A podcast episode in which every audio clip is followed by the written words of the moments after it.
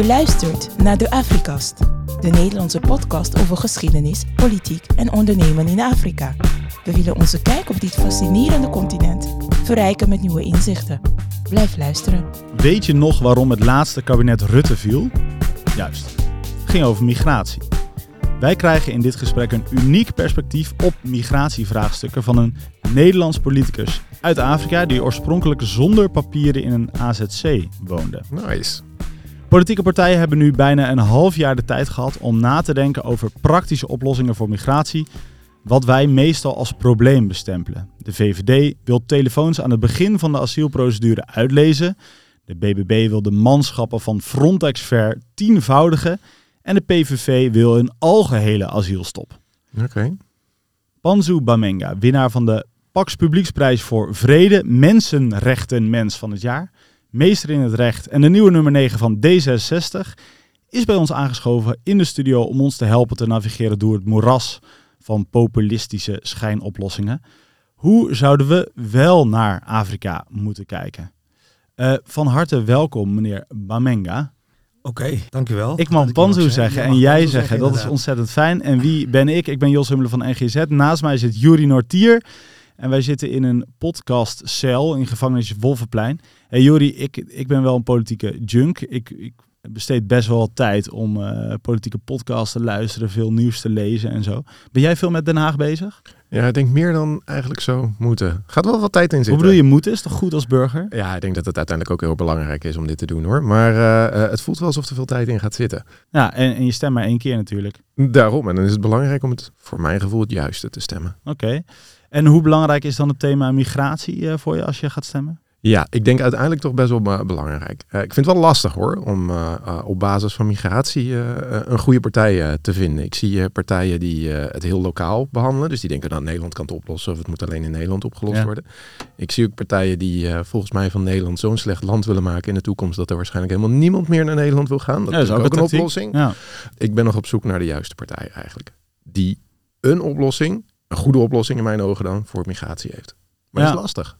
Nee, het is een moeilijk thema, vind ik ook. En daarom extra leuk, ja, leuk, uh, in ieder geval interessant om, uh, om het daarover te hebben. Nou, we gaan het ook natuurlijk bijzonder in het bijzonder hebben over migratie vanuit Afrika. Uh, Panzo, kun je, kun je uitleggen hoe dat voor jou persoonlijk was? Mag ik, mag ik daarmee beginnen? Ja, nee, zeker. En nou, ik hoop dat ik jou kan helpen na dit gesprek. Dat je in ieder geval meer, meer weet op wie je kunt gaan stemmen. Wat de keuzes dus, zijn. je, je gaat een suggestie doen, begrijp ik. Ik ga een suggestie doen, okay. maar ik denk dat het wel intrinsiek uh, zal komen vanuit jou. Dus, uh, nou, we gaan het er ook wel even testen dan ja, aan het we einde. We gaan het testen aan het einde. ja. Nee, uh, dank je wel dat ik hier mag zijn en uh, inderdaad mag spreken over migratie. Een onderwerp die voor mij heel erg belangrijk is. Ik ben zelf in 1994 naar Nederland gekomen als achtjarige, ehm, achtjarige jongen samen met mijn moeder en mijn broer.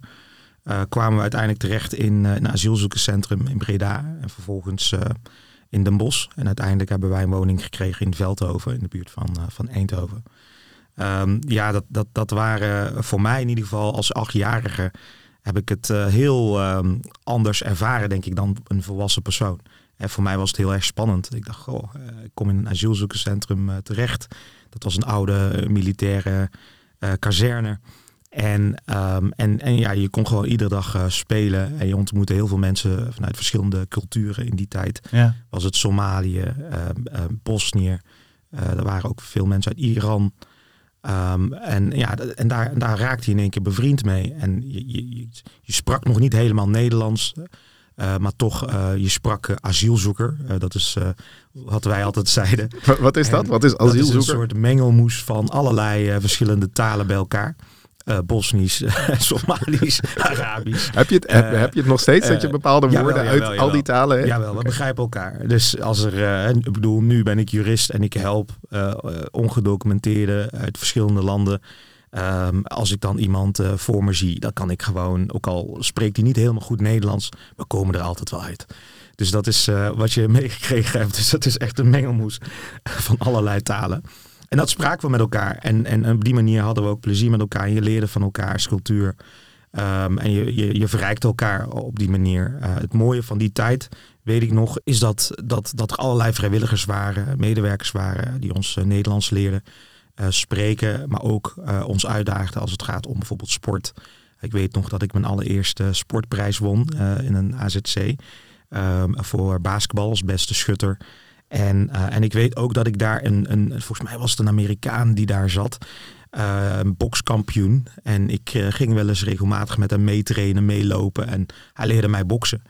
En nou ja, het was net genoeg, zeg maar, om nooit echt ruzie te krijgen op straat. Omdat de mensen wisten dat ik enigszins goed kon, kon boksen. Dus, um, nou ja, dus, dus dat. Dus het was een fantastische ervaring voor mij. En ik zeg altijd, de manier waarop ik daar behandeld ben um, in een AZC door de vrijwilligers, door de medewerkers vanuit het COA. ze hebben mijn waardigheid daarin teruggegeven. want enerzijds de manier dat je, dat je moet vluchten, ja, dat tast toch je menselijke waardigheid aan. En, um, en dan hoop je bescherming te krijgen, dan hoop je rust te krijgen. En, ja, en, en dat dan in de vorm van een opvang, adequate opvang. Uh, maar de manier waarop je daarna ook nog behandeld wordt met respect, Ehm, ja, dat, dat daarmee wordt echt je waardigheid zeg maar, teruggegeven. Ik vind het een interessante. Zo heb ik hem ook nog nooit gezien. Dat vluchten je waardigheid afneemt. En dat de manier waarop je wordt opgevangen een hele belangrijke rol kan spelen in om je waardigheid weer terug te krijgen. Vind ik hem een interessante.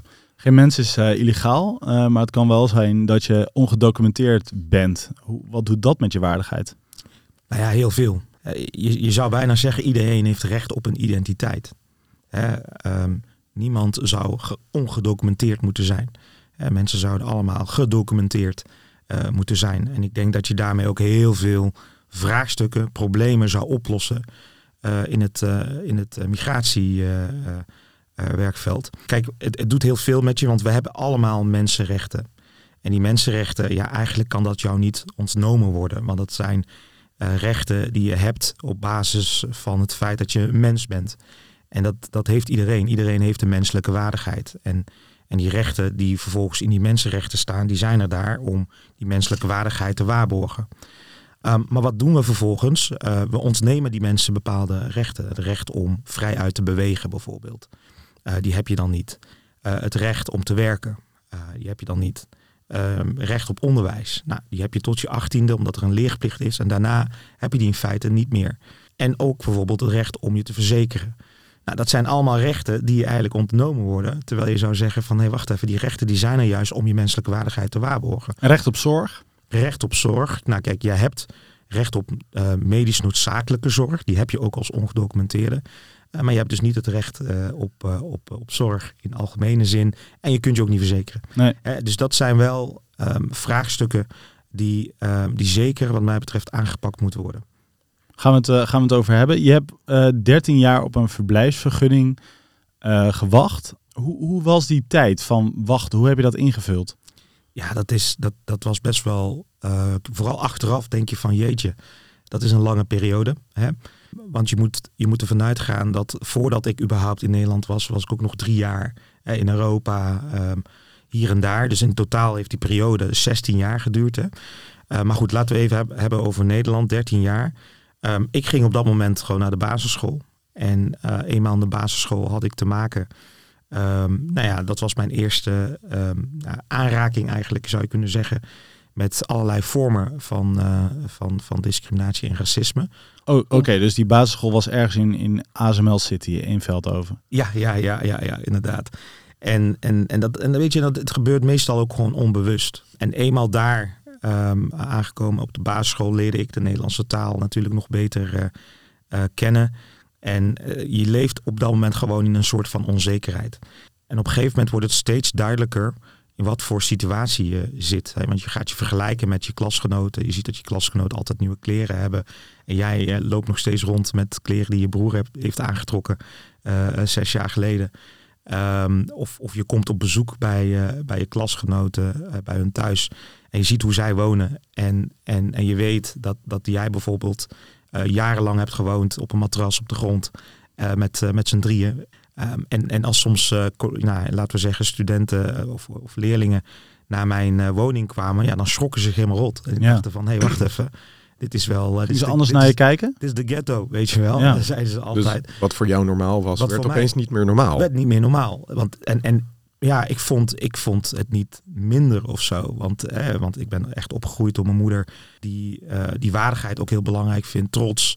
Eh, dat je trots moet zijn op wie je bent. Dus het was niet per se zo dat ik dacht, hé, hey, ik, uh, ik leef in een slechtere situatie. Maar toen werd me wel op een gegeven moment duidelijk, duidelijker op het moment dat ja, mijn klasgenoten bij mij thuis aankwamen en dachten van wow, dit is, is de ghetto man. Ik wist niet dat uh, dat, dat in Nederland zo was. Dus je leeft in onzekerheid en je probeert je te navigeren daarin. ik deed dat onder andere ook door heel veel, nou, heel veel te sporten, heel veel muziek, te werken aan je drie. Muziek te werken, inderdaad. En weet je, dus dat soort dingen deed ik. Maar het werd me op een gegeven moment echt heel erg bewust op het moment dat we onze allereerste afwijzing hadden gekregen. Ja, want je kreeg na jarenlang wachten een brief en daarin stond eigenlijk dat je terug moest. Maar ja, je zit hier, ik zit, ik, ik zit naar je te kijken. Je bent hier en je, en je bent Nederlands politicus. Ja. Hoe, hoe ging dat dan? Ja, we kregen een brief. En nou ja, omdat ik dus Nederlands uh, kon spreken, was het meestal zo dat ik de brieven van mijn moeder uh, moest voorlezen, uh, moest vertalen. Um, nou ja, zij mocht geen Nederlands leren. Dat is ook een, een vraagstuk. Op het moment dat je nog geen verblijfsvergunning hebt, dan nou ja, mag je bijvoorbeeld geen Nederlands leren. En uh, mag je ook niet werken enzovoort. Dus ik moest dat doen voor mijn moeder. En dan ben je dat aan het voorlezen. En dan kom je erachter wat het eigenlijk is en wat het betekent. En dan kom je erachter dus dat je, ja, dat je afgewezen bent. Hoe oud was jij toen? Nou, ik was ongeveer elf jaar. Um, en, um, en dan kom je daarachter en dan zeg je van, hé, hey, wat betekent dit eigenlijk? voor onze situatie. En dat was ook het moment dat ik ook begon te reflecteren. Um, en, en, en, ik reflecteerde hoe mijn leven tot dan was. Hè. Een, leven in armoede, een leven zonder verblijfsgunning. Um, en dat vond ik uh, onrechtvaardig. Uh, um, dat vond ik onrechtvaardig. En ik, en ik dacht tegen mezelf van weet je, ik ben misschien nu jong, maar ik wil daar iets aan doen. Ja. ja ik, want ik wilde ook ergens... Uh, nou ja, je bent, er is geen vader die aanwezig is. Ik was er, mijn broer was er. Maar je ziet je moeder bijna hopeloos eigenlijk, wanhopig worden door die brief. En dan wil je toch iets, iets doen. Uh, je wil iets, iets betekenen, je wil verantwoordelijkheid nemen. En daar begon voor mij eigenlijk, met het vuur aangewakkerd om te zeggen van hé, hey, ik wil vechten tegen onrecht. En, en daar begon ik ook te dromen van een, um, nou, eigenlijk een alternatieve werkelijkheid. van, een, van een wereld die menswaardig is, die eerlijk is en waar mensen gelijkwaardig worden behandeld. En dat het niet uitmaakt wie je bent, waar je geboren bent. Om daadwerkelijk um, een toekomstperspectief te hebben. Um, en dat was een wereld die ik begon te dromen. En waarvan ik zei, hey, ik, ik heb daarin een verantwoordelijkheid. En ik wil dat eigenlijk najagen. Ik wil er alles aan doen om dat te bereiken. Ja, een toekomstperspectief heel belangrijk om, om naartoe te leven, om te kunnen hopen. Uh, maar op het moment dat je die brief voorlas als elfjarig jongetje, misschien wel voor je broer, maar in ieder geval voor je moeder toen was er dat perspectief was, was weg. Ja, perspectief was weg. En daarom moest ik dus eigenlijk dromen van een alternatieve werkelijkheid. Dat, we hebben allemaal een, een verbeeldingskracht. En ik zeg altijd, je moet daar gebruik van maken. Want door die verbeeldingskracht kun je eigenlijk een andere wereld voor je zien. En als je het voor je ziet, ja, dan zou je er ook uh, aan kunnen werken. dus je moet het ook zeg maar daadwerkelijk uh, doen uh, om het te verwezenlijken. En voor mij was het heel duidelijk dat nou ja, dat, dat als ik dat wilde bereiken, dat geen sprint is, maar een marathon. Uh, maar zoals iedere andere marathon, als je het wil uitlopen, moet je beginnen te rennen ergens. En, en dan duurt het misschien lang, maar je moet beginnen rennen en uiteindelijk ga je het af, uh, uitlopen. En dat deed ik dus. En voor mij was eigenlijk de springplank was natuurlijk het onderwijs. En het onderwijs was een manier voor mij om um, nou, de vaardigheden, kennis te leren die van belang zijn om ja, op een latere leeftijd onrecht te kunnen, te kunnen aanpakken. En vandaar dus dat ik dus me helemaal focuste op het onder onderwijs. En uh, ja, als er kansen voorbij kwamen, zoals hey, wie wil er klasvertegenwoordiger zijn, dacht ik van hé, hey, ik steek mijn hand omhoog. Ik wil het wel zijn, want het was weer een, een manier om te leren, uh, om voor groepen op te komen en uh, voor jezelf op te komen. Um, of als er een debattoernooi ergens weer georganiseerd werd, nou, dan nou, stak ik ook weer mijn hand omhoog. Ik wil graag meedoen, um, omdat dat ook weer iedere keer een manier was om, uh, ja, om vaardigheden aan te scherpen die ik later nodig zou, uh, zou hebben. Is dit, is dit ook waarom jij een project hebt opgezet om te werken aan perspectief voor asielzoekers? Kun je daar iets over toelichten? Ja, dus, zie je al knikken? Ja, zeker. Uiteindelijk heb ik dus, hebben we dus een verblijfsgunning gekregen. Uh, mede doordat ehm, nou ja, ik dus op een gegeven moment rechter ben gaan studeren. En uiteindelijk zei van oké, okay, um, ik ga nu mijn kennis inzetten eigenlijk voor de procedure van mijn moeder om, om uiteindelijk een verblijfsgunning te krijgen. Ehm, gebruik gemaakt van mijn hele netwerk ehm, en ook een advocaat erbij gevraagd om dat mogelijk te maken. Dat is uiteindelijk gelukt. Dus, dus eerst kreeg jij en je broer kregen, uh, kregen een verblijfsvergunning, maar je moeder nog niet? Nee, we kregen het allemaal tegelijk. Alleen het oh. punt was dat uh, er moest een procedure opgestart worden. En in mijn geval was het dus een, uh, nou ja, eigenlijk een aanvraag voor een discretionaire bevoegdheid. En daarin heb ik nou ja, een brief geschreven aan de minister. waarin ik mijn visie gedeeld heb over Nederland en waarom het waarom ik denk dat, dat het goed zou zijn dat ik in Nederland zou, zou, zou moeten blijven. Ongelooflijk. En, ja, en, en, en, nou ja, en die procedure heeft uiteindelijk toe geleid dat we met z'n allen een verblijfsgunning hadden gekregen. Dus voor mij was dat een van de ja, allereerste grote overwinningen in het recht. en en ja, toen besefte ik me eigenlijk van, goh, hoe eerlijk is dit eigenlijk? Ik, ik kan voor mezelf opkomen. Ja. ja. Um, en dat is gelukt in dit geval. Dus je hebt ook echt uh, op die manier uh, bizar goed gebruik gemaakt van de tijd dat je moest wachten. Ja. Want je hebt jezelf bewapend ja. om via het Nederlandse recht een, een plek voor jou en de jouwe te kunnen opeisen. Precies. En, uh, en toen dacht ik van, goh, hoe eerlijk is het eigenlijk? Nou, antwoord niet. Niet nee, eerlijk. Nee, het is niet nee, eerlijk. Want, we zijn niet allemaal zo slim als Panzo. Nou ja, zo slim in ieder geval. Jawel, zo slim. De, door, doorzettingsvermogen. En, en toen dacht ik van, weet je, Um, ik wil dus opkomen voor mensen die gemarginaliseerd zijn. Mensen die niet voor zichzelf kunnen opkomen. Mensen die niet een eigen stem kunnen laten horen. En, en daar kwam het eigenlijk, hè, om je vraag natuurlijk te beantwoorden. En, en toen dacht ik mij van oké, ik wil juist voor deze groep opkomen. En daarom ben ik dus gaan werken ook voor uh, ongedocumenteerden. Om te zorgen dus dat, ja, dat iemand is die voor hun rechten uh, opkomt. Daarom heb ik toen ik gemeenteraadslid was ook de motie bed, bad, brood en begeleiding toen ingediend. 4 keer B. 4 keer B's. En, en, um, en uiteindelijk is dat uitgerold naar de landelijke vreemdelingenvoorziening. waar ik nu natuurlijk ook coördinator van ben in, in Amsterdam om dat uit te voeren. En omdat ik echt geloof dat ja, je moet investeren in deze, in deze mensen en werken aan een toekomstperspectief. En dat kan zijn verblijf in Nederland, door migratie, maar dat kan ook terugkeer uh, zijn. En de cijfers in Amsterdam, maar ook in andere steden zijn fantastisch als je, daar, als je dat ziet. Als je kijkt naar de herhaalde asielaanvragen, dan is bijna 90% van de herhaalde asielaanvragen zijn positief. Uh, als je kijkt naar terugkeer, dan zie je ook dat er steeds meer mensen zeg maar, uh, vrijwillig terugkeren. juist door de manier waarop we dit allemaal georganiseerd hebben. Dus ik geloof er ontzettend in dat, dat, dit, dat dit werkt. En dat komt dus specifiek door die begeleiding? Het komt door die begeleiding, zeker. Um, want ja, je kunt. Een asielzoeker krijgt een coach. Nou ja, coach, uh, een begeleider. Hè? Dus, dus je krijgt deskundigen die mee gaan kijken in jouw situatie. Die uh, jou bewust gaan maken van wat is überhaupt je situatie. Jij bent ongedocumenteerd. Waarom ben je ongedocumenteerd? Uh, wat heeft vooraf gespeeld? En wat zijn je kansen om überhaupt in Nederland te blijven? Wat, zijn, wat is je perspectief? Wil je nog inderdaad 20, 30 jaar in Nederland blijven zonder perspectief? Of zeg je van nee, weet je wat, mijn kans om terug te gaan is, is beter. En ik kan ook teruggaan door een nou, opleidingje te doen of een workshop te doen, door een, vaardigheid te doen, een bedrijfje te starten. Nou, daar helpen we je ermee, zodat je op een duurzame manier uh, kunt reïntegreren in jouw land van, van herkomst. Nou, dat soort dingen doen wij in de LVV. Maar ja, als je toch ziet in de screening. Dus je bent het dossier aan het bekijken. En je ziet toch wel dat, dat er toch mogelijkheden zijn om toch in Nederland te verblijven. Omdat de persoon toch wel bewijzen heeft dat hij echt een vluchteling is. Ja, dan werk je daaraan. En je ziet dus dat in die situaties dat 90% uiteindelijk erkend wordt. Uh, bijna 90% uiteindelijk erkend wordt als vluchteling. En dat is echt een behoorlijk cijfer. En waarom hebben we dit niet overal in Nederland? Nog niet. Nog niet. Uh, ja, wat ik al zei, het begon eerst door de gemeenteraden, uh, verschillende gemeenteraden in Nederland die met of bedbad brood of bedbad brood en begeleiding moties kwamen. Nou, toen kwam er een soort uh, nou, bijna kabinetscrisis, wat heeft geleid uiteindelijk tot een compromis, de LVV, de Landelijke Vreemdelingenvoorziening. En die is uitgerold in vijf steden.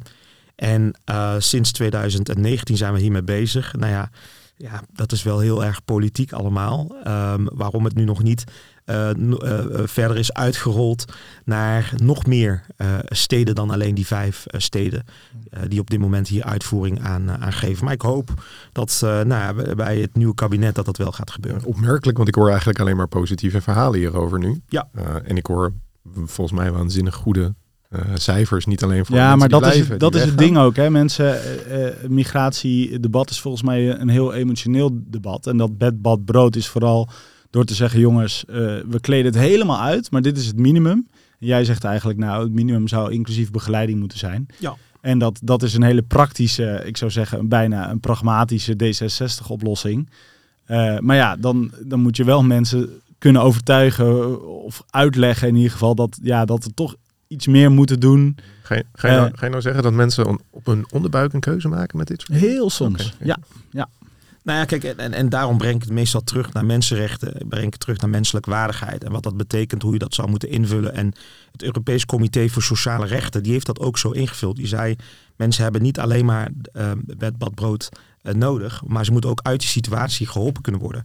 En weet je, en dat geldt niet alleen voor ongedocumenteerden, het geldt ook voor daklozen. Het geldt voor allerlei groepen. Mensen moeten geholpen worden om uit die situatie geholpen te worden, om perspectief te hebben eigenlijk op een, op een betere uh, toekomst. En dat is menswaardig. Je doet echt uh, heel veel maatschappelijke projecten. Kun je er nog iets uitlichten dat echt je drijfveren laat zien? Je hebt het nu al gehad over ongedocumenteerden en mensen die gemarginaliseerd worden in een samenleving.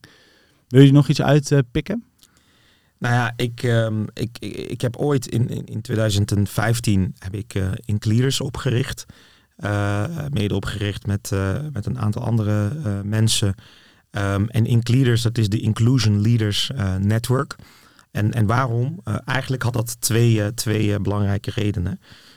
reden één was dat ik in de samenleving zag dat er allerlei bewegingen waren vrouwenbeweging, LHBT-beweging, antiracisme-beweging, nou, noem het maar op. Um, bewegingen um, met betrekking tot functiebeperking. Um, en ik dacht van, hé, hey, al die bewegingen zijn eigenlijk eilanden die allemaal hetzelfde eigenlijk willen, namelijk inclusie. En ze willen erkenning voor wie ze zijn en ze willen dat de maatschappij eigenlijk leert omgaan met de verscheidenheid die we hebben in de samenleving. En dat, uh, dat, dat zij niet gezien worden als anders, maar dat zij ook gewoon gezien worden als volwaardig en mee kunnen doen. Wat zou het prachtig zijn als we al deze mensen nou bij elkaar gaan, ja, gaan brengen. En, en dat wij ook laten zien dat dit een vorm is van leiderschap. We hebben het altijd over leiderschap. Ik zeg van ja, leiderschap is altijd inclusief. Want in leiderschap probeer je altijd de kwaliteiten van een ieder, zeg maar, um, aan te spreken. En te zorgen dat mensen uh, optimaal kunnen functioneren. En niet alleen maar mensen die op je lijken, maar um, uh, iedereen uh, in een organisatie. Dus dat is dus inclusief leiderschap. En laten we dat nou promoten onder deze mensen. Dus enerzijds brengen we ze bij elkaar. En anderzijds promoten we eigenlijk inclusief leiderschap. En op die manier zorg je er uiteindelijk voor dat er meer en meer bondgenoten zijn in de samenleving. Die zo'n mindset hebben van inclusief leiderschap. En wat mij betreft is het zijn van een inclusief persoon vier dingen. Eén, dat is iemand die kansen biedt aan mensen, talent ziet.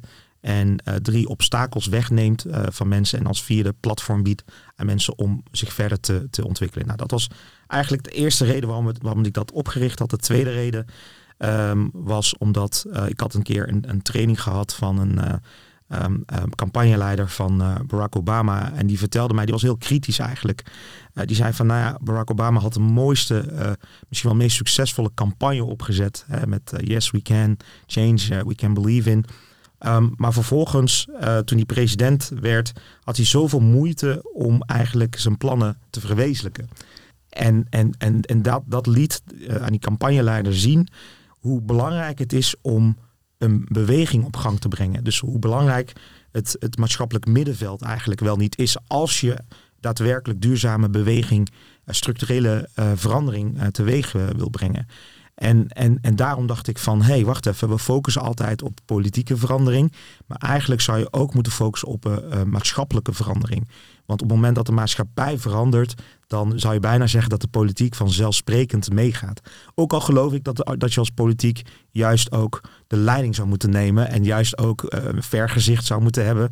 En juist ook soms dingen moet zeggen die mensen niet willen horen, maar die wel noodzakelijk zijn. Omdat je meer informatie meestal hebt, beter geïnformeerd bent. En denkt van luister jongens, dit is echt de kant waar we met z'n allen in moeten. Nou, het goede nieuws is dat het politieke landschap zo opengebroken is dat er zelfs weer partijen zijn die vergezichten durven te schetsen. Uh, dat is uh, lang geleden. Wat mij betreft, maar dit is echt een persoonlijke noot. Hey, um, als wij met Afrika's nog een platform kunnen zijn, dan hou ik me warm aanbevolen voor twee of drie van die namen vanuit die, uh, vanuit die club. Omdat Afrika veel meer is dan alleen een bron van migratie, wil ik eerst wat breder uh, van Mpanzu Bemenga horen hoe wij naar Afrika kijken. Dat gaat mogelijk een beetje confronterend worden, Juri, maar ook leerzaam. Maar eerst is het tijd voor de column. Deze keer van Maarten van Nieuw-Amerongen, politiek adviseur bij Woord en Daad die deze column naar aanleiding van de gloednieuwe continentbrede Afrika-strategie schreef. Ga je gang, Maarten. Eind mei presenteerde het kabinet de allereerste continentbrede Afrika-strategie. De strategie zet uiteen hoe wij de komende jaren politiek en economisch willen samenwerken met de 54 landen op het Afrikaanse continent. Gelijkwaardigheid is een kernbegrip in deze strategie. In de samenwerking met Afrika wil Nederland het opgegeven vingertje voor zijn thuis laten. Zo vat het dagblad Trouw de beoogde mentaliteitsverandering samen. En inderdaad, gelijkwaardige samenwerking gaat verder dan wederzijdse belangen zoals eerlijke handel, toegang tot elkaars markt en het nakomen van internationale afspraken. Eerst en vooral vraagt gelijkwaardigheid om begrip van elkaars positie en stelt de relatie centraal. Het is een goede zaak dat de Afrika-strategie rekenschap geeft van het verleden en van blijvende verschillen, waar we nu eenmaal niet omheen kunnen. Verschillen in welvaart, cultuur en demografische ontwikkeling. Zowel inhoudelijk als qua opzet zoekt de strategie aansluiting bij Agenda 2063 de langjarige ontwikkelagenda van de Afrikaanse Unie. Niet onze eigen paradigma's voorop, maar aansluiting zoekend bij wat er al ligt, om zo een bijdrage te kunnen leveren aan een veilig, stabiel en welvarend Afrika. Dienstbaar en kritisch, in plaats van gericht op onszelf en wat wij te bieden hebben. We willen voorkomen dat Afrika opnieuw speelbal wordt van imperialistische grootmachten. Maar hoe autonoom zijn we zelf eigenlijk? En wat zegt het over ons dat we een strategie schrijven voor een heel continent? Gaat deze Afrika-strategie misschien meer dan we zelf willen toegeven, niet in essentie over Nederland en onze positie in de wereld. Want laten we eerlijk zijn, wie heeft er het meeste te verliezen bij een toekomstige wereldorde? De multilaterale wereldorde brokkelt af, heet het dan. Maar liberale democratieën hebben geen monopolie op de multilaterale wereldorde, laat staan westerse landen. Dat erkennen is ook een vorm van gelijkwaardigheid. In deze nieuwe wereldorde kiest Afrika zijn eigen pad, of liever gezegd, de 54 Afrikaanse landen kiezen daar hun eigen pad, binnen de Afrikaanse Unie en in de context van regionale samenwerkingsverbanden. Dank Maarten van Nieuw-Amerongen van Woord en Daad. Hij zette ons denk ik wel terecht aan het denken. Wie heeft wie nou nodig in deze veranderende wereld? Heeft Afrika Nederland slash de EU nodig of hebben de EU en Nederland Afrika nodig? Uh, Panzo, wat, wat, wat zou jij zeggen? Nou, ik denk dat we elkaar wel nodig hebben. We leven allemaal op één aarde. dus, dus we zijn met elkaar verbonden. En we hebben het al gezien met COVID, ehm, hoe, hoe erg we met elkaar verbonden zijn. iets wat, uh, nou ja, een, een, een, een, uh, een, virus wat ergens kan ontstaan, uh, hoe makkelijk het is, zeg maar, verspreid over de hele wereld. En um, dus, dus, weet je, dus we hebben elkaar nodig. We, we, kunnen niet zonder elkaar. En en daarin moeten we, denk ik, elkaar met respect behandelen. En wat er ook gezegd wordt over leiderschap. Uh, leiderschap is ook wel iets wat, nou ja, wat, je, wat je moet verdienen. Hè? Op het moment dat je daadwerkelijk leiderschap neemt, dan zul je, um, nou ja, dan zul je ook zeg maar mensen hebben die daarin met jou willen samenwerken. En dus het is heel belangrijk um, hoe je die leiderschap daadwerkelijk invult. we kennen allemaal het voorbeeld van de Marshallplan um, na de Tweede Wereldoorlog. Eh, wederopbouw, eh, geholpen vanuit Amerika. Ehm, eh, nou, eigenlijk van, fantastisch, op een fantastische manier um, gewerkt aan de wederopbouw van Europa. maar dat was ook vanuit gelijkwaardigheid. En dat was ook vanuit het idee dat je heel duidelijk weet van het is belangrijk om stabiliteit te creëren uh, in Europa. Want, want dat is ons wederzijds belang. Die, die, stabiliteit, die veiligheid. En daar moet je dus eigenlijk voor, voor, voor, voor zorgen. En, en, en dat, die bewustzijn, dat mag er wat, wat meer zijn, denk ik. Um, dat je realiseert van, goh, Um, Afrika, inderdaad, het is een heel continent hè, met zoveel landen en, en, en die heel anders zijn en ook in de ontwikkeling heel anders zijn. Maar dat we toch leren beseffen van wacht even, dit moet op een gelijkwaardige manier en we moeten proberen om die visieuze cirkel die er ook is, hè, ook binnen Afrika, om die te doorbreken. daadwerkelijk. Ik weet nog de, de aantal keren dat ik in Afrika was, hoe vaak er tegen mij gezegd werd van, goh, als er iets misging, ja, this is Africa. Ja, TIA. TIA. Nou ja, eh, als je zelf erin gelooft dat als dingen misgaan, dat dit is Afrika. Dan versterkt het alleen maar. Weinig aan wat kan doen, dan versterkt het alleen maar. Die Afrika-strategie, uh, als je die leest, wat zegt dat eigenlijk over hoe wij zelf kijken naar dat continent het bezuiden, ons eigen continent? Ja, nee, ik denk dat het heel belangrijk is dat wij uh, samenwerken. Uh, niet alleen met de regering, maar juist ook met de maatschappij. want ik geloof dus op het moment dat je ook investeert in de maatschappij, dat die verandering op een gegeven moment gaat komen. Dat het veel meer een soort nou, domino-effect zal, zal, zal hebben. En, en, veel meer leren kennen van wat hebben de mensen daar, zeg maar, in de maatschappij daadwerkelijk uh, nodig. Uh, en dat gaat niet alleen maar om, om, om geld. Hè. Het kan ook gaan om immateriële zaken. Het kan ook gaan om kennis. Het kan ook gaan om uitwisseling van ervaring. Uh, ik, in persoonlijke nood. bijvoorbeeld mijn vader. Die heeft in de jaren 70 heeft hij ooit in Nederland en België mogen, mogen studeren. En, en dat heeft hem zeer geholpen. Want zo heeft hij uiteindelijk ook carrière kunnen maken in, in Congo. En je ziet ook, ja, in alle eerlijkheid, dat, dat best wel veel mensen in die tijd die juist die um, um, ervaring hebben gehad, hè, um, uh, dat die ook wel uh, uiteindelijk uh, verder zijn ontwikkeld. En ook dat hun beeld van de wereld ook veel breder is geworden. En het gaat niet alleen maar om Afrika. Dit gaat in algemene zin. Gaat het erom dat het gewoon heel belangrijk is om je, je horizon daarin te, te, te verbreden. Dus ik geloof in dat soort dingen. Dus niet alleen maar materieel, maar ook immaterieel. Eh, investeren, kijken wat er zeg maar, vanuit uh, die landen nodig uh, is, vanuit de maatschappij nodig is, zoveel mogelijk samenwerken met de lokale actoren. Ja, ik vind uh, die PUM-experts, ken je die? Nee. Dat is dat, ja, die. dat is eigenlijk, volgens mij is dat ook een initiatief van, van buitenlandse zaken. En dan worden er, nou heel vaak zijn dat pensionado's, maar dat kunnen allerlei experts zijn op een technisch gebied of een maatschappelijk gebied op aanvraag van bedrijven uit het MKB in nou, uh, Libanon, maar ook Rwanda of een, of een uh, Senegal. Daarheen gevlogen vanuit Nederland en die delen dan hun kennis. En dat woord delen vind ik dan uh, essentieel. En maar weer even terug naar, naar de politiek. De, de BBB heeft een verlanglijstje ingeleverd met allerlei vrolijke kreten en voor ieder wat wils. En ze noemen het een verkiezingsprogramma. En daarin wil ik even het volgende citeren. Daar gaat hij.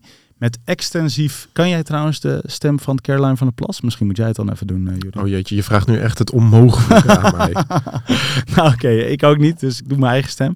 Met extensief geiten houden kom je er niet. Dat vraagt uh, om, technologie, om een technologisch intensievere aanpak. Hiervoor hebben we kennis in huis om Afrikaanse landen te helpen.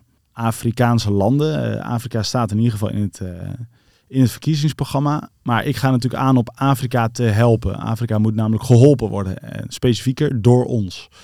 En Banzo, is dit tekenend voor hoe een gemiddelde Nederlander naar een gigantisch continent aan de andere kant van de Middellandse Zee kijkt? We moeten ze helpen. Ja, nee, maar tuurlijk. Uh, en, en, maar ja, men, men, men vergeet dat zonder Afrika uh, hebben we waarschijnlijk allemaal geen Androids, geen, geen en telefoons. En, en, en noem maar op. Uh, ja, hoeveel dingen hebben we wel niet hè, als het niet aan Afrika ligt. We hadden jou dus, niet.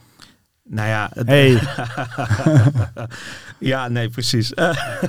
nou, ik denk eerlijk gezegd bijna alles wat hier in deze studio ligt uh, bevat belangrijke materialen die uit Afrika komen. Ik zit hier te kijken. Misschien dat de hout niet. Nou, je zou moeten checken waar het hout... Ja. Uh, ja, het zou best wel eens kunnen. Moet je, moet je, nagaan. Ja, maar is dat, is dat eventjes terug naar die... Nee. Is dat nou typisch? Want ik vis er natuurlijk één ding uit. Dat is niet heel ja, chic kijk, van mij. Maar ik vond het misschien wel kenmerkend. Nee, maar het is wel... Kijk, ik, ik, ik merk het ook hè, in, het, het werk, in het werkveld. Met alle goede bedoelingen ook. Ik zeg niet... Ik heb het niet over slechte bedoelingen. Ik heb het ook gewoon over... Ik ga ervan uit dat mensen echt goede bedoelingen hebben. Maar dat er wel meestal op een paternalistische manier gekeken wordt. Uh, naar Afrika of mensen die uit Afrika komen... Um, en daarmee um, ja, ontneem je mensen toch hun agency. Hè? Dus je ontneemt ze hun kracht. want ik zeg meestal van ja, mensen die bereid zijn om, ehm, om, om te zeggen, weet je wat, ik onderwerp me niet aan, aan bijvoorbeeld een totalitair regime. Ehm, ik, ik, ik, ik ga daartegen vechten. ik vlucht, ik kom hierheen, ik maak van alles en nog wat mee. Nou, dat zijn geen zwakke mensen, dat zijn krachtige mensen. Ehm, en je, moet, je zult die kracht moeten zien. En ik denk dat Afrika heel veel kracht heeft. En dat het inderdaad heel goed zal zijn om minder met, vanuit een paternalistische blik ernaar te kijken. Um, ja, uh, mensen hebben wel eens uh, hulp nodig. Um, uh, maar weet wel dat wij ook heel veel profiteren van, van Afrika. En dat het eigenlijk ja. zoveel mogelijk een gelijkwaardige relatie zou, zou moeten zijn. Ja. Ik vind het ook alweer een beetje treurig dat in deze dit verkiezingsprogramma dan er eigenlijk vanuit wordt gegaan dat als zij, als in Afrika, het net zo doen als wij, dat al hun problemen dan zijn opgelost. Ja, alsof wij succes met problemen hebben. stikstofproblemen TCT dan. Hé, hey, maar um, ja, dat zeg je mooi. Dat zeg je mooi. Ik, uh, in, in, Afrika heb je bijvoorbeeld Ubuntu-filosofie. Uh, dus dat, dan zie je dus dat, nou ja, het is, het is misschien een ander soort manier van kijken naar de wereld. Maar dat is wel een manier, zeg maar, om vreedzaam samen te leven dus um, het idee van juist nou ja, uh, gemeenschap. dus dat je, al, dat je niet alleen een individu bent die alleenstaand is, maar die altijd onderdeel is van een gemeenschap.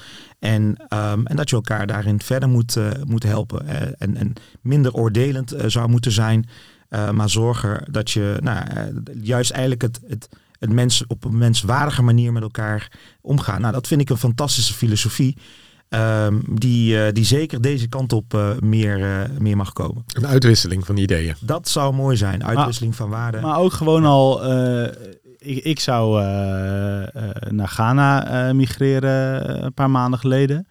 En als, men dat, als ik dat tegen vrienden en, en familie zeg, dan vinden ze dat allemaal gaaf en oh, spannend en avontuurlijk. En we ben je toch een avonturier en blabla. Je krijgt eigenlijk alleen maar complimenten. Maar als er een migrant uh, uit Ghana, ik noem maar even een zijstraat, hierheen komt, dan, ja, dan, ja, dan stoppen we dat een beetje, voor mijn gevoel hoor, stoppen we dat een beetje weg. En dat zijn, ja, migranten zijn vaak hele...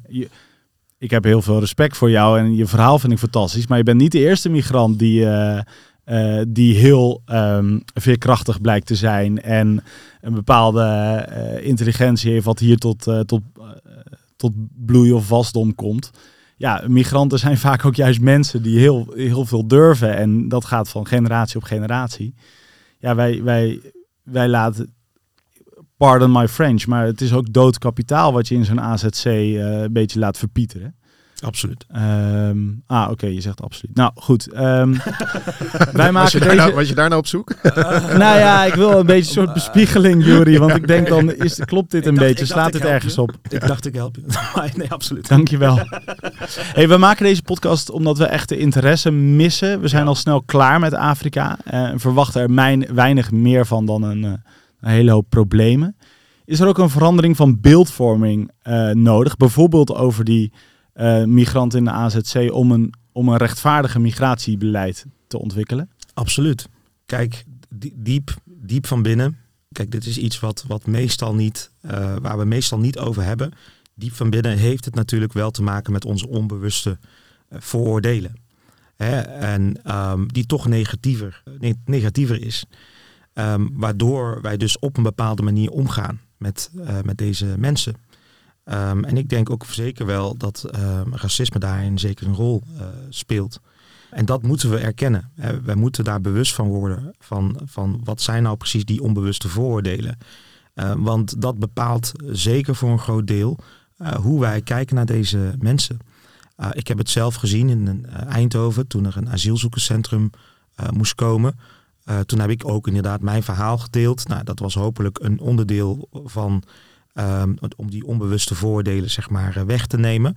Maar die werd al helemaal weggenomen toen eh, er daadwerkelijk een AZC kwam. En de buurtbewoners uh, kwamen kijken. En op een gegeven moment dachten van, hé, hey, dit, deze mensen zijn nu een van ons. Kijken of kennis maken? Uh, nou ja, kijk in eerste instantie van, goh, hoe ziet het eruit van binnen? Vervolgens gaan ze toch een praatje maken met de mensen die daar, die daar zitten. En vervolgens ontstaan vriendschappen. En vervolgens, um, ja, zie je dus dat de buurtbewoners die in eerste instantie niet blij waren met ehm, mensen die, die daar zouden komen, die plotseling in één keer allemaal vrijwilligerswerk doen en zorgen dat deze mensen fatsoenlijk kunnen integreren in de samenleving.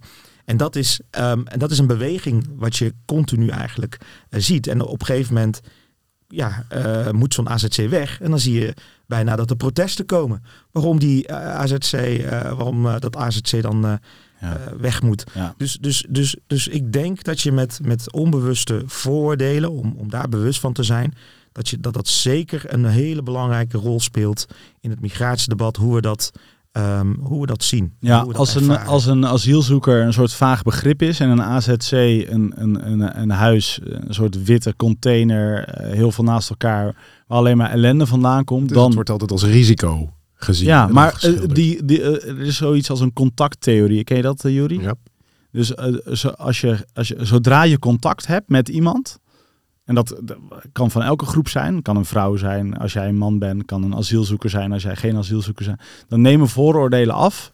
En als je elkaar in de ogen kijkt, dan denk je, potverdorie, we hebben eigenlijk meer gemeen dan dat we verschillen. Ja. Hey, en, en dat uh, uh, over, over vooroordelen gesproken. In 2021 won jij de Mensenrechtenprijs van het College voor de Rechten van de Mens. Voor je strijd tegen etnisch profileren. Specifiek uh, door de Koninklijke Marechaussee, de Nederlandse Koninklijke Marechaussee. Het heeft ook alles te maken met hoe wij naar Afrika kijken. Of mensen uit Afrika die hier misschien gewoon wonen of op zaakreis langskomen. Wat zegt het etnisch profileren over hoe wij kijken naar mensen uit Afrika? Ja, heel veel eigenlijk. Um, in mijn geval uh, werd ik staande gehouden omdat uh, men op zoek was naar een, uh, of ja, men in ieder geval, de Koninklijke Marseillais was op zoek naar Nigeriaanse geldsmokkelaar. Um, niet dat er een, specifieke verdenking was op iemand, maar het was nou, preventief, Nigeriaans geldsmokkelaar. Dus je kunt je afvragen van, goh, hoe, hoe ziet een Nigeriaanse geldsmokkelaar eruit? nou, er waren een aantal kenmerken, netjes gekleed. Nou, ik ben inderdaad meestal netjes gekleed, dank u wel. um, snel lopend. Nou, toevallig op dat moment was ik, het was in de ochtend dat moest naar je werk. Ik moest naar mijn werk. Dus ik liep wat sneller inderdaad. Um, en niet Nederlands uiterlijk. Nou, dan, dan wordt het een beetje. Dan wordt het vaag inderdaad. Van wat is nou een niet-Nederlands uiterlijk? Ja. Um, ja. ja. Zie jij vind, je, vind je dat ik, ik er niet Nederlands uitziet? Ja. ja. ja, goed. Dus, dus dat, ja, goed. En, en dat, dat zegt dan toch iets over het beeld uh, die, uh, die de Marche heeft. Maar ik denk dat dat wel een breder beeld is. Niet alleen Marche maar uh, ook heel veel andere overheidsinstanties. Hoe, zij daar, hoe zij daarin maar Dit stond ook in officiële overheidsstukken, dat men op zoek moest gaan naar mensen met een niet-Nederlands uiterlijk? Dit stond um, ja, op het moment dat, je, dat ik toen een klacht heb ingediend en ik ging op een gegeven moment doorprocederen. Ja. Ja, dan moet je inzicht krijgen in waarom je nou daadwerkelijk bent staande gehouden. En toen kregen wij dus te horen dat, dat dit uh, de reden was. Hè? Want toen ik staande gehouden werd en ik stelde daar vragen over, was het nog vager. Toen was het van, ja, we zijn op zoek naar criminelen. Oh. we zijn op zoek naar terroristen, we zijn op zoek naar uh, asielzoekers, vluchtelingen. Dus dat was de reden waarom ik staande gehouden was. En toen dacht ik van, ja, maar wacht even, hoe, hoe zien ze er dan uit? Want je haalt nu mij eruit. En als ik omdraai, zie ik alle witte mensen doorlopen. En ik zie een andere zwarte vrouw die je eruit haalt en een andere zwarte man. Ja. Dus het lijkt erop dat uh, die, die mensen die jij zoekt, die criminelen, die, die, uh, nou, die asielzoekers, uh, terroristen enzovoort, dat die ja, volgens jou een zwarte huidskleur hebben. Nou, en dat is dus echt wel etnisch profileren. En dat, dat zegt wel iets over hoe men kijkt zeg maar, naar, naar mensen. Uiteindelijk heb je een hoger beroep gewonnen. Wat is dan nu de stavaza, zoals ze dat zo lelijk zeggen? Stand van zaken. nou ja, we hebben samen met Amnesty International, PILP, uh, Control Alt Delete, uh, Radar, Houtop Advocaten en Robbie Gorbarjan hebben wij inderdaad de rechtszaak uiteindelijk gewonnen in het Hof 14 februari, dat was Valentijnsdag. dus daar, ja, daar ben ik altijd heel blij mee dat ik nu op Valentijnsdag altijd blijf herinneren aan deze mooie, mooie over, overwinning. Um, en daarmee hebben we eigenlijk het juridisch fundament, zowel Nederland, wij geloven ook in Europa, neergelegd um, um, hoe je, wat etnisch profileren is en, en dat het ook verboden is. En, maar, maar daar zijn we er nog niet. want daarna is er een kabinetsbrief gekomen. En die kabinetsbrief is, ja, daar zitten weinig concrete actiepunten aan vast. En het is heel nauw, je, je kunt het heel nauw lezen. Hè, alsof het maar gaat om een klein onderdeel van uh, nou, de koninklijke uh, marechaussee en dat het weinig effect heeft op andere overheidsdiensten. Terwijl dat we allemaal weten dat alle andere overheidsdiensten ook werken met nou, profielen. En zo heb je het ook aangevlogen. Je wilde niet alleen dat de koninklijke marechaussee ermee zou stoppen, maar veel breder dan dat. Precies. Hè. Je wil dat de Belastingdienst het niet meer doet. Je wil dat de gemeentes het niet meer, niet meer doen. je wil dat allerlei instanties, overheidsinstanties, daar gewoon um, het niet meer doen. Um, en dus is er nog steeds een uitdaging voor ons om dat verder aan te pakken. En um, nou goed, en dat wordt absoluut. Uh, en dus ook in mijn, de politieke arena. Dat wordt absoluut een van mijn speerpunten in een politieke arena om dat aan te pakken. Nou, heel veel respect dat je de nationale politieke arena überhaupt wil betreden. mij is ook meer dan eens verteld dat ik, die, dat ik de politiek in moet. Uiteindelijk denk ik dat ik er te bang voor ben. wat, is, wat is de belangrijkste reden dat je kiest voor de politiek? Ja, kijk, ik geloof Um, en daar ben ik afgelopen jaren nog veel meer in gaan geloven dat uh, de politiek niet de enige plek is waar je impact kan maken. Hè? Um, nou, bijvoorbeeld die rechtszaak, dat, dat heb ik als burger uh, gedaan. Uh, er was mij iets aangedaan en ik heb me daartegen uitgesproken. En, en toen is het balletje gaan, gaan rollen. Coalities gevormd en nou ja, we weten wat het resultaat uiteindelijk is geworden. Um, je kunt vanuit de maatschappij kun je heel veel betekenen. Nou, ik heb dat geprobeerd te doen eh, vanuit eh, de organisatie eh, Human Rights Initiatives, maar ook vanuit de regiegroep Ongedocumenteerde Amsterdam, om daar heel veel in te betekenen. Nou, via Incleaders, de Inclusion Leaders Network. Dus zijn allemaal manieren om dat uiteindelijk te bereiken. Um, en nu zijn we op een moment aangekomen dat nou, we hebben zoveel jaren Mark Rutte gehad. En, en dat, dat heeft ons, nou ja, um, Ehm, zeker op deze dossiers is het, um, is het, ja, zijn we eigenlijk wel veel verder uit elkaar getrokken, zou je bijna kunnen zeggen. En, en ik zie dat er een ontzettende kans en mogelijkheid is om um, juist ook te zorgen dat we eerlijker naar zaken gaan kijken. dat wij nou, de ongelijkheid gaan aanpakken, veel meer gaan inzetten op kansengelijkheid. En simpelweg, uh, wat ik de afgelopen jaren heb gedaan met betrekking tot ongedocumenteerde, met betrekking tot uh, racismebestrijding, discriminatiebestrijding, om dat verder op te pakken uh, in de Tweede Kamer. Um, het voorbeeld wat ik net al zei, um, ja, je ziet dus dan heb je een rechtszaak, dan heb je die gewonnen. Um, en vervolgens, uh, wat gebeurt er? er komt geen adequaat beleid.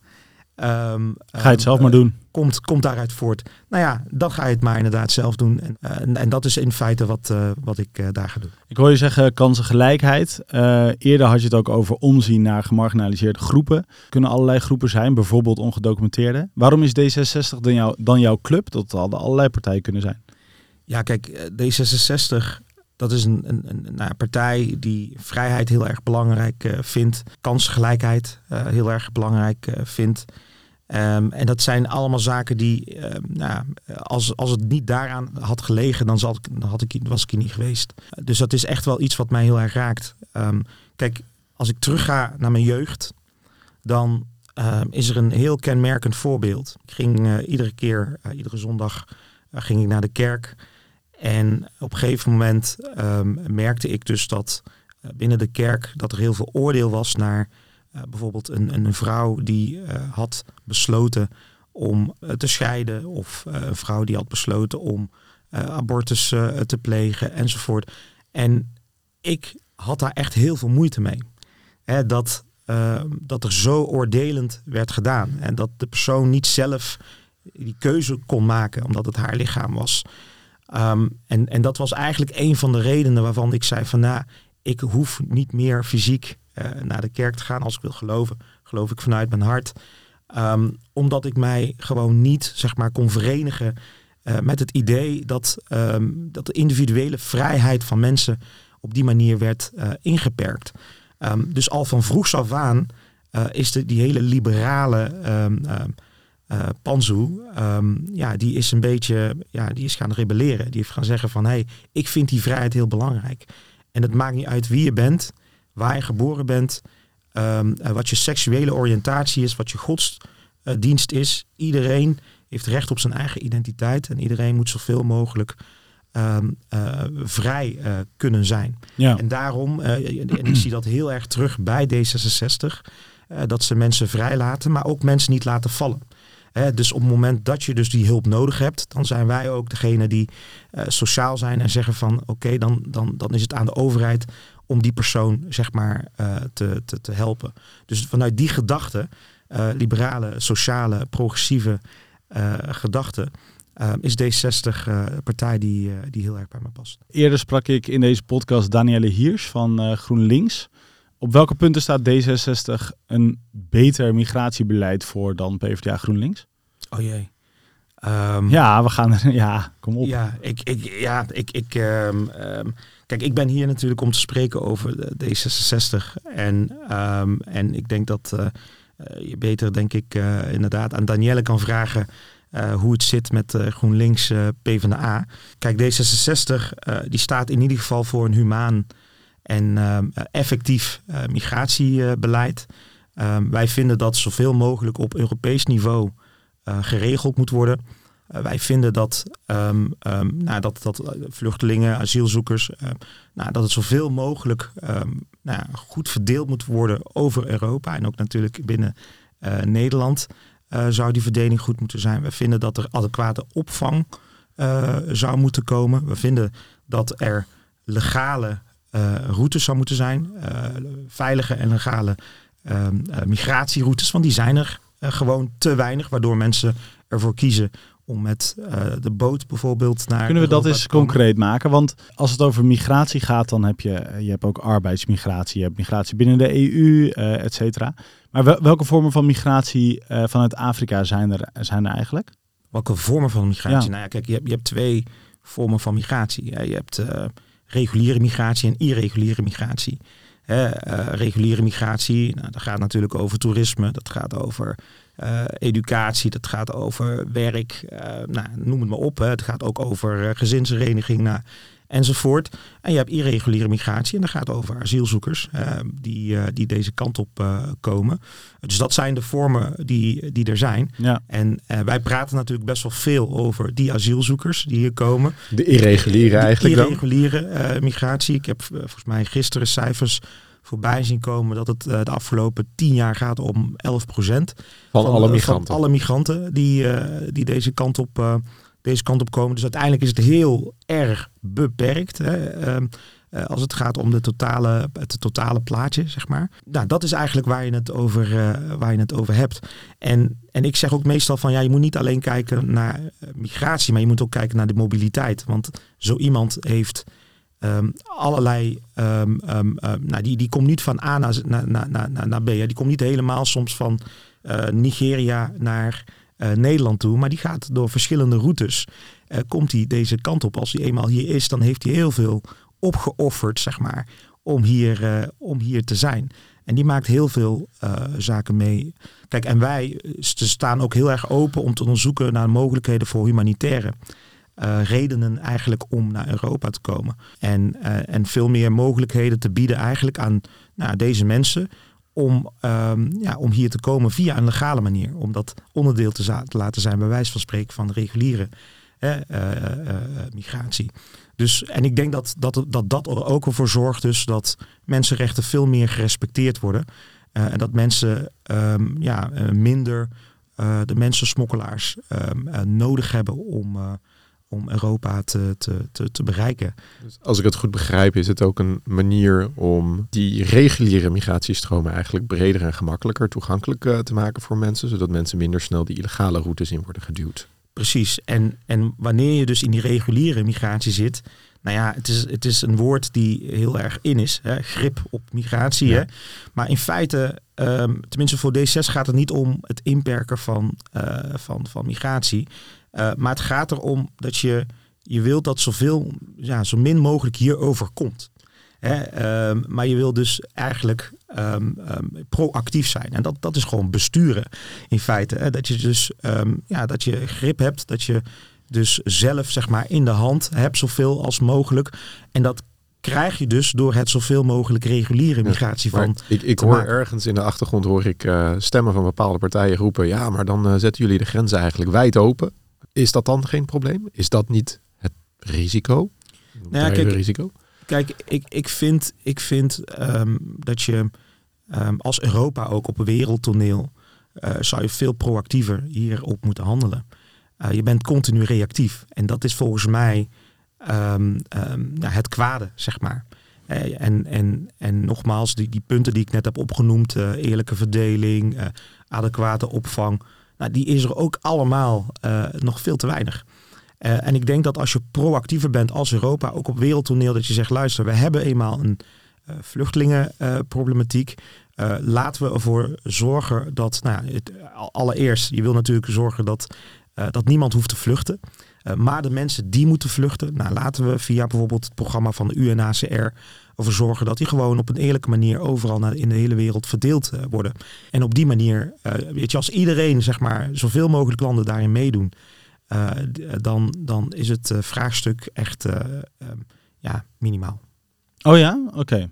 Want, nou ja, kijk, wereldwijd zijn er op dit moment miljoenen uh, vluchtelingen. en de helft die verblijft nog in, in, in het land zelf, zeg maar. Hè. Dat zijn de ontheemden, zeg maar. Maar um, ik geloof wel dat op het moment dat je inderdaad die verdeling um, wereldwijd goed hebt geregeld, ja, dan, dan spreek je voor, ja, dan spreek je over veel minder uh, mensen. En we, bedoel, we spreken nu al over 11 procent. Ja, maar het gaat er niet voor niks zoveel over. Want nou, bijvoorbeeld, denk aan die pushbacks. Hè? Dus het, het linkse blok zegt dat zij uh, niet willen meedoen aan die berucht, dat beruchte tegenhouding, uh, tegenhouden van migranten. De VVD wil meer hekken om de EU plaatsen en Frontex uitrusten met drones. Uh, de BBB, ik kom weer op de BBB, geen idee. Het is een eenmansfractie tot nu toe in de Tweede Kamer. Maar ja, goed, in de, in de, de peiling. In de Senaat zijn ze natuurlijk wel groot. Maar in ieder geval, die, wil, die vinden, zijn helemaal fan van Frontex. Die willen het personeel ver, vertienvoudigen. Um, hoe, hoe kijkt D66 of jij zelf aan tegen, tegen die pushbacks? Nou, de pushbacks zijn illegaal. Hè, dat, uh, dat, dat, dat kan niet. Dat gaat uh, in strijd uh, met een van de belangrijkste principes in het recht. En dat is een non-refoulement beginsel. je mag mensen niet terugsturen naar een land waar ze mogelijkerwijs onmenselijk behandeld gaan, gaan worden. En dat is een, dat is een absoluut recht. dus dat mag gewoon, mag gewoon niet. zeker als mensen gevlucht zijn, dan zul je moeten kijken van oké, waar, waar, waar we ze nu naartoe sturen, Um, worden ze wel of niet uh, onmenselijk uh, behandeld. En je moet ook niet vergeten, uh, we kennen ook non-refoulement par ricochet heet dat. Hè? Als jij een steen in een vijver gooit, dan zie je wel eens dat hij dan zo kaatst. Hè? Dan ja. gaat hij. Ehm, en dat is eigenlijk paricochet. Dat betekent dus dat als je iemand terugstuurt naar een land waarvan. nou, misschien dat hij daar gewoon oké okay behandeld wordt, maar dat land stuurt hem ook weer meteen terug naar een ander land waar hij onmenselijk behandeld wordt. Dan ben je ook verantwoordelijk. Dus Um, dus dat kan, uh, dat kan absoluut uh, niet. En ja. in Europa heb je ook nog, uh, in een handvest, heb je ook nog het recht op asiel. Nou ja, wat betekent dat precies? Nou ja, dat heeft Europa daar ingezet omdat ze dat belangrijk vinden. Maar het betekent volgens mij in ieder geval niet dat je deze mensen zo kunt terugsturen naar, naar een plek waar je niet weet wat er gaat gebeuren met ze. En omwille van de tijd, ik wil nog een paar dingen heel graag weten. Want hoe, hoe kijk jij bijvoorbeeld naar deals met Afrikaanse landen, zoals de Tunesië-deal? Nou kijk, um, zelfs het vluchtelingenverdrag is uiteindelijk een deal. Hè? Um, deals maken we continu. Um, alleen het moet wel een, een, een, het moeten deals zijn die, nou, die mensenrechten waarborgen. En die hebben we eigenlijk niet zo snel meer gezien.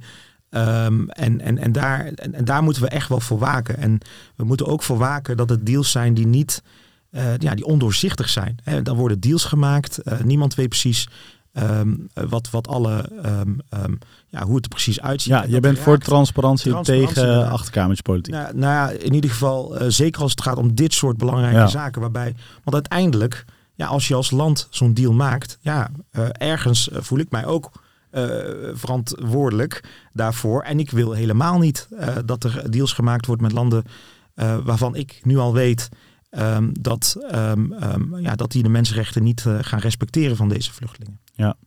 In het D66-programma staat ook dat er streng gekeken moet worden naar asielzoekers die eigenlijk geen kans hebben om hier te blijven.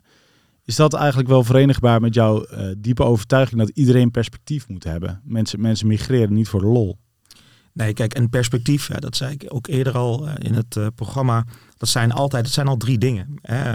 het is in ieder geval of we blijven in Nederland als daar redenen toe zijn. Want we zijn nog steeds een rechtsstaat. Dus dat betekent dus dat we um, uh, gronden hebben dat mensen hier kunnen verblijven. En als er geen grond is, ja, dan, dan, dan zul je op zoek moeten gaan naar andere perspectieven. En dat is doormigratie of uh, terugkeer naar land, land van herkomst. Dus alle drie zijn vormen van perspectieven. In de laatste aflevering laten we de allerlaatste vraag stellen door de redacteur van dienst. Uh, die is eigenlijk pas tevreden als die specifieke vraag uh, uh, wordt beantwoord.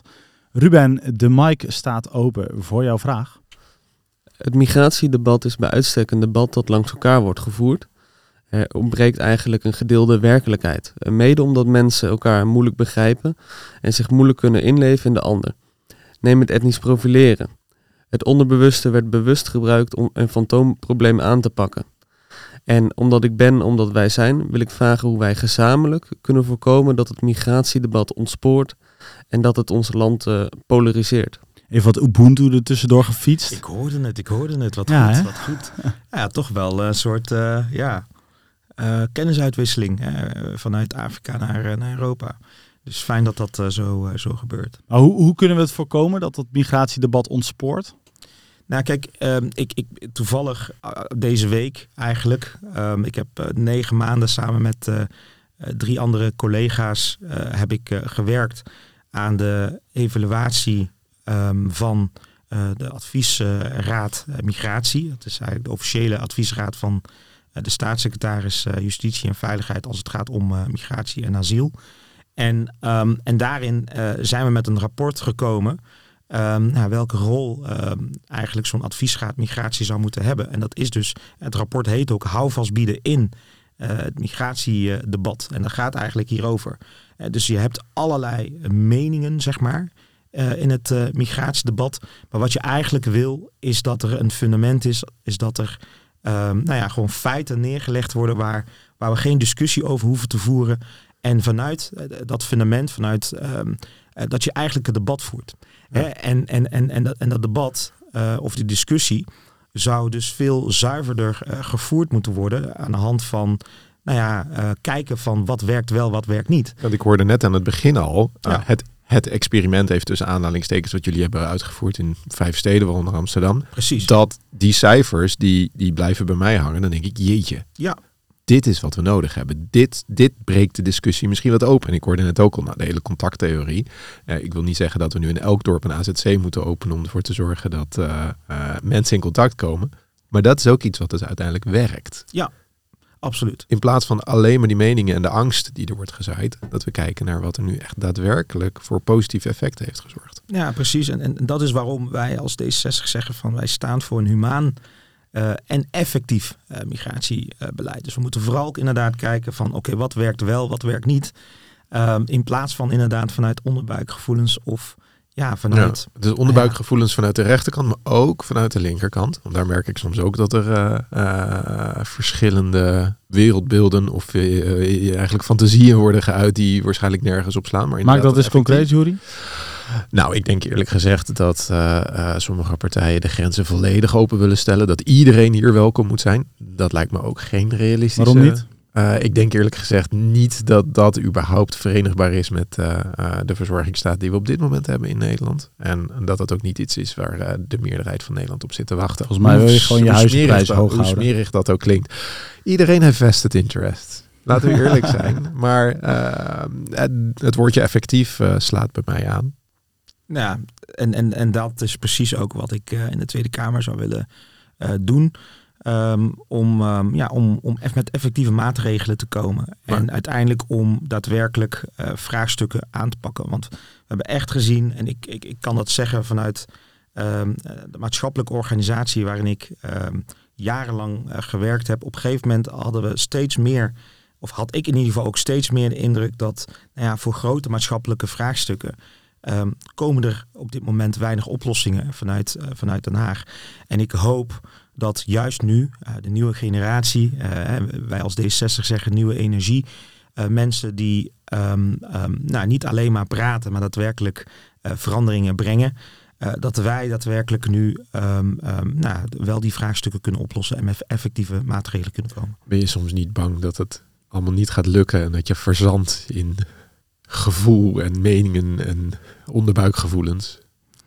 Nou ja, uh, volgens mij zei jij dat, hè, van ja, je moet uh, de politiek niet ingaan als je te bang bent. En als je mijn, nou ja, goed, mijn um, geschiedenis ziet, mijn levenspad ziet, uh, dan zie je dat ik mij niet laat leiden door angst. Ik heb wel angst, uh, zoals iedereen, uh, maar ik laat me leiden door hoop. Bedankt voor die moed, Mpansu Bamenga, kandidaat voor D66. wij danken jou voor het luisteren, de columnist voor het schrijven. De redactie was in handen van Ruben Elans en Wout Spijker. De muziek is van Rinze Voorberg. Bedankt voor het luisteren. Zorg dat je je stem uitbrengt en tot de volgende keer.